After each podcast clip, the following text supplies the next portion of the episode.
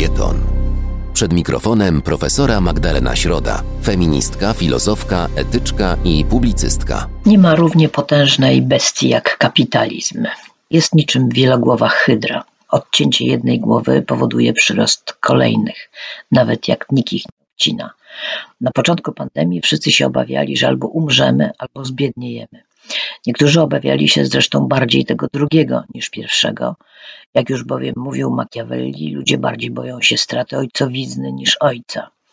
Wizja kryzysu ekonomicznego spowodowanego unieruchomieniem wielu światowych gospodarek, zamknięte sklepy i spowolnione rynki jasno wskazywały, że ideologia wzrostu, potrzeba zysku i nasz nienasycony konsumpcjonizm są w potwornym kryzysie, a nawet, że szczezną. Niektórych to radowało, bo po pierwsze kryzys ten mógł dosięgnąć również PiS, a po drugie, że spowolniona gospodarka spowolni kryzys klimatyczny.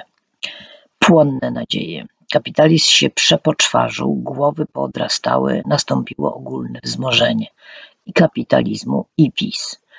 Europa rzuciła kasą i nie sądzę, by poszła ona na wzmocnienie demokracji czy ratowanie planety na, przed naszą zachłonnością. Wszystko niedługo wróci na stare tory, tylko zwrotnice się zmienią. Jedne gałęzie gospodarki będą padały, inne wzrastały w siłę, jedne knajpy będą toczyły się w niebyt, inne wzmacniały, a jeśli nie, to powstaną nowe. Gospodarka dostanie paliwa, a rządząca partia już wie, jak zabezpieczyć dostawy na własne potrzeby, by rodzimy autorytaryzm i religijny fundamentalizm rosły w siłę, a Polacy mieli wrażenie, że żyją bezpiecznie i dostatnio. O bezpieczeństwo zadbała ostatnio pani marszałek Witek, zakazując wszelkich manifestacji, które nie są organizowane przez Kościół, kluby piłkarskie i fanów Jarosława Kaczyńskiego, bo jak wiadomo powszechnie Kościół chroni przed wirusem, tak samo jak rozgrywki piłkarskie i kordon policji, który dzielnie osłania naszego wodza. Jeśli chodzi o dostatek, PiS postara się, byśmy nie wiedzieli, na czym stoimy. Od lat bowiem stosuje sprytną sztuczkę, polegającą na tym, że rozdaje pieniądze na swoje ideologiczne i wyborcze cele, gigantyczne podwyżki cen żywności, inflację zwala na innych, na przykład na abstrakcyjne prawa rynku lub zwyczajowo na Tuska.